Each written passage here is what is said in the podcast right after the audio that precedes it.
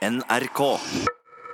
Kultur nå her i Nyhetsmorgen. Det har vært um, Vi har hørt eh, at denne filmen eh, Mamma Mia, Here We Go Again, um, nummer to, uh, som er basert på Abbas låter, hadde godt billettsalg i premierehelgen i Norge.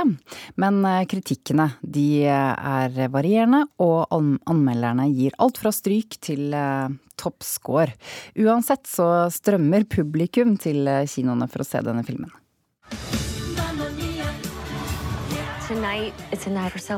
Feire kan de. For med rundt 170 000 som har sett oppfølgerfilmen 'Mamma Mia Here We Go Again' så langt i Norge, og med ei åpningshelg som er den beste siden 2015, så er dette en film publikum vil se. Det trass i at kritikken av filmen har vært spreid. The Washington Post gav én av fem stjerner, og Guardian gav fem av fem. Kind of party, VG og NRK gav fire på terningen. Aftenposten gav tre, og Dagbladet gav to. Men publikum utenfor Colosseum i Oslo mener filmen er bra. Jeg syns den var veldig bra. Jeg er veldig overrasket. Moren min fortalte at den fikk en toer av Dagbladet eller noe sånt, men jeg syns den fortjente en femmer eller sekser, for jeg syns den var veldig bra. Jo, jeg syns den var fin. Jeg likte nok kanskje den andre litt bedre, da, forrige. Plutselig så var du i én generasjon, og så byttet du til en annen generasjon, og så var du tilbake. og det var, det var, litt frustrerende i begynnelsen, men etter hvert så ble det bare deilig. Og så var det jo ABBA da, vet du. Da kan en spørre seg hvorfor kritikerne har så forskjellige meninger. Marte Hedenstad i NRK sier en må være obs på at en anmeldelse aldri er objektiv. Det er en subjektiv mening, og selv om det er konkrete ting som man, som man, kanskje kan være objektiv på når det kommer til eh, liksom det film... Altså det tekniske og eh, liksom det filmmakeriet i det, eh, så, så, er smak har en veldig stor del eh, å si når det gjelder eh, film. Og det er noe Inger Bentsrud i Dagbladet sier seg enig i. Ja, vi er jo forskjellige, vi som anmelder film også. Og det er jo ikke noen sånn bastante kriterier på hva som er eh, godt og dårlig, sånn at du bare kan liksom krysse av i boka. Der det, er det liksom en, en treer på klipp, her er det en femmer på skuespillere, her er det en ener på sangere osv. Det er jo ikke sånn det er. Du må jo på en måte se de forskjellige elementene i sammenheng, og så må du trekke konklusjon. Og jeg, egentlig så liker jeg ikke å gi eh, terningkast til filmer, men, men sånn i mitt konsept i Dagbladet og i en del andre aviser så må man gjøre det. Og da, denne gangen falt jeg ned på en toer. Og det står jeg for. Men hva er det som gjør at folk vil se filmen? Vi vet jo tross alt at den forrige Mamma Mia-filmen eh, solgte eller hadde en omsetning på over 600 milliarder dollar på verdensbasis. Det har et stort kommersiell eh, potensial for å nå et bredt publikum. Det er ikke dermed sagt at det er kvalitet. Bør publikum høre mer på anmelderne? Jeg syns publikum bør gjøre akkurat hva de vil. Alle terningkast og stjerner til sides. Hva mener de som har sett filmen på Colosseum i Oslo? Jeg vil gi fem, jeg. Fordi filmen fortjener det. Fire. Jeg sier fire. Jeg tror jeg gir den en femmer fordi jeg syns den var veldig spennende. Eh, jeg vil gi en femmer for den var veldig morsom, og alle var så godt humør, og man ble veldig godt humør selv.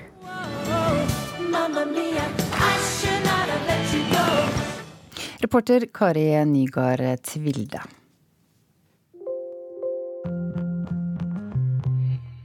Were you with Marlon last Friday? Actually, yeah. I was with Marlon. I think I've done something horrible.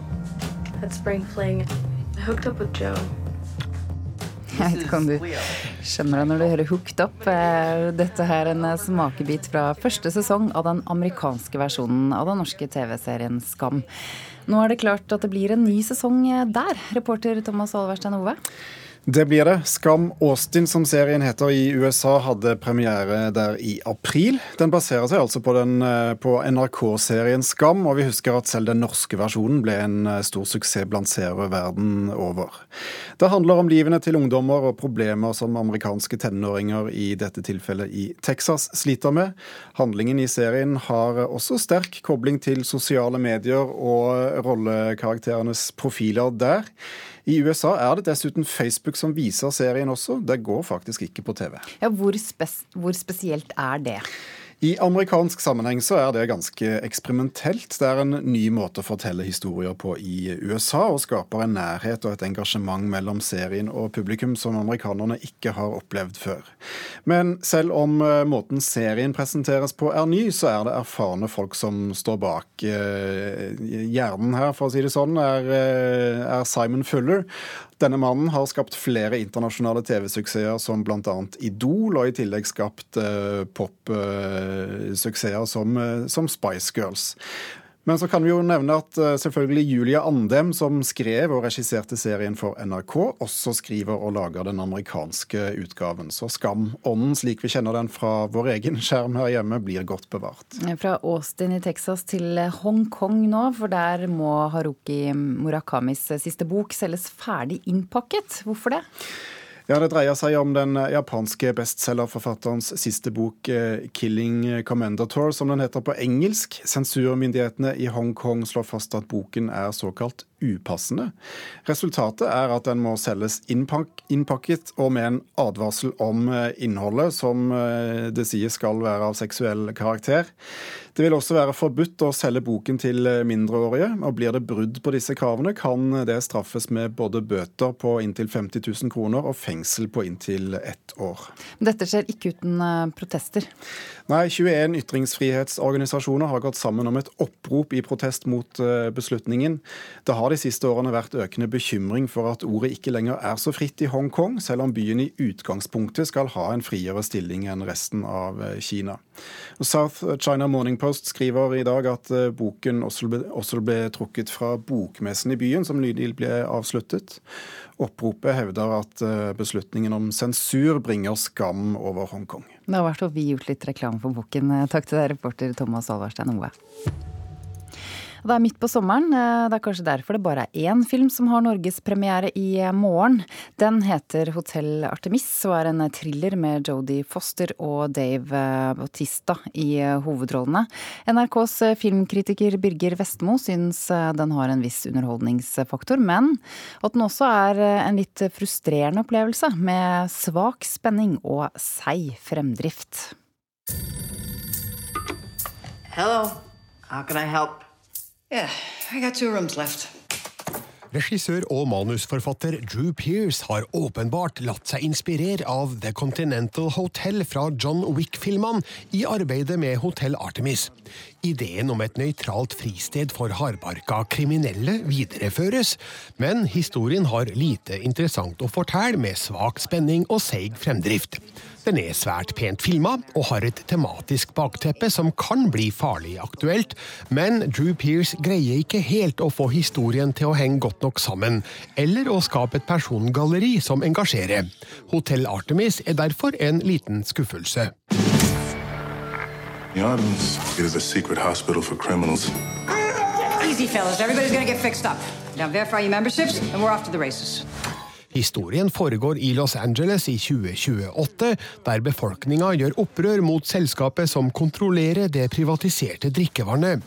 Midt i kaoset ligger Hotell Artemis, drevet av en kvinne som bare går under navnet Nurse, spilt av Jodie Foster, og hennes muskuløse medhjelper Everest, spilt av Dave Bautista. De tar imot skada kriminelle og gir dem livreddende behandling. Hotellet har strenge regler for å sikre freden mellom pasientene, men spenninga øker når byens store forbryterkonge melder sin ankomst, samtidig som det viser seg at noen av hotellets klienter har hemmelige planer. I have the chips card, look! Yeah, well, that could be from any dark room in the country. Fine. I'll pay you then, all right? Uh, Den grunnleggende ideen er altså ikke helt ny, men Hotell Artemis skiller seg nok fra John Wick-filmene til at den ikke fremstår som en direkte kopi. Den har dessverre en historie som avhenger av litt for mange utrolige sammentreff, minst et mulig plotthull som er vrient å forklare, og et persongalleri med noen middels interessante figurer som burde vært utstyrt med smartere dialog, tøffere humor og bedre bakgrunnshistoria for å gjøre et sterkere inntrykk. Filmen har noen actionscener med trøkk, men de er altfor få og for korte, slik at Hotell Artemis taper klart i den uunngåelige sammenligninga med de to John Wick-filmene. Cops are fucking looking for us. You see, that's your job, lady, to fix people like Hotell Artemis er utsøkt fotografert av koreanske Chung Hon Chung, men handlinga utnytter dessverre ikke omgivelsene godt nok. Den bygger på altfor mange sammentreff og umuligheter som til sammen gjør Hotell Artemis til en litt frustrerende opplevelse. Den har en viss underholdningsfaktor, men etterlater et klart inntrykk av at det her kun og burde vært løst bedre. Hey, are we safe in here from doomsday? I mean, are these walls fortified with anything? Those people are animals. Hotell Artemis ble mm, anmeldt av Birger Vestmo, og norgespremieren er altså i morgen fredag. Tusenvis av gamle fjøs står rundt omkring på bygder eh, i hele landet og forfaller. Men kostnadene med å rive eller ta vare på dem er store. Ordfører i Kåfjord i Troms, eh, Svein Leiros, ønsker en stor dugnad med offentlig finansiering for å få fjernet noen av disse gamle fjøsene. Frede Ausland mener et, eier et fjøs som han gjerne vil bli kvitt. Og hvis man ser på den gamle låvebrua, så har ikke jeg tenkt med mine 90 kilo å bevege meg på den. Frede Aasland har et problem. Han eier en gammel fjøs i Olledal. Og konstruksjonen for øvrig her, hvis du ser taket her, er jo allerede hull i. Så det står jo og forfaller. Og en dag så vil det være en storm eller noen unger eller et eller annet som, eh, som er her, og det kan oppstå situasjoner som man ikke ønsker, for å si det sånn. Aasland bryter løs noen biter fra den utrygge låvebrua. Her detter det fra hverandre. Det er ikke mye redde her. Råte overalt. Han vil gjerne bli kvitt fjøsen, som er i dårlig forfatning. Dette står jo overalt i bygda her. Fullt av både låver og hus. Så eh, det burde jo vært en interesse for kommunen også å bli kvitt det. Det ser jo ikke bra ut i det hele tatt. Og ordføreren er klar over problemet. Svein Leirås og landbrukssjef Birger Olsen diskuterer ofte denne problematikken.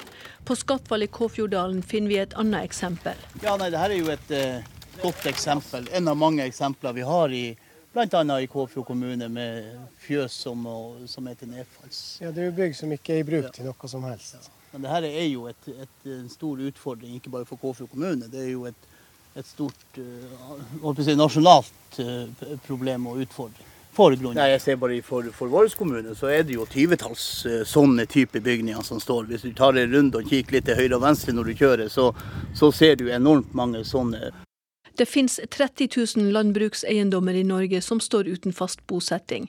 På mange av disse står det gamle fjøs som ikke lenger er i bruk og forfaller. Eierne er kanskje døde, eller noen har bare arva en gammel eiendom og bruker boligen til fritidsbolig. Men det koster å fjerne fjøsen. Det er jo store kostnader å eventuelt fjerne det, og, og kanskje ikke så mye nytte å, å sette det i stand heller. Hva er det som koster så mye når man skal fjerne det?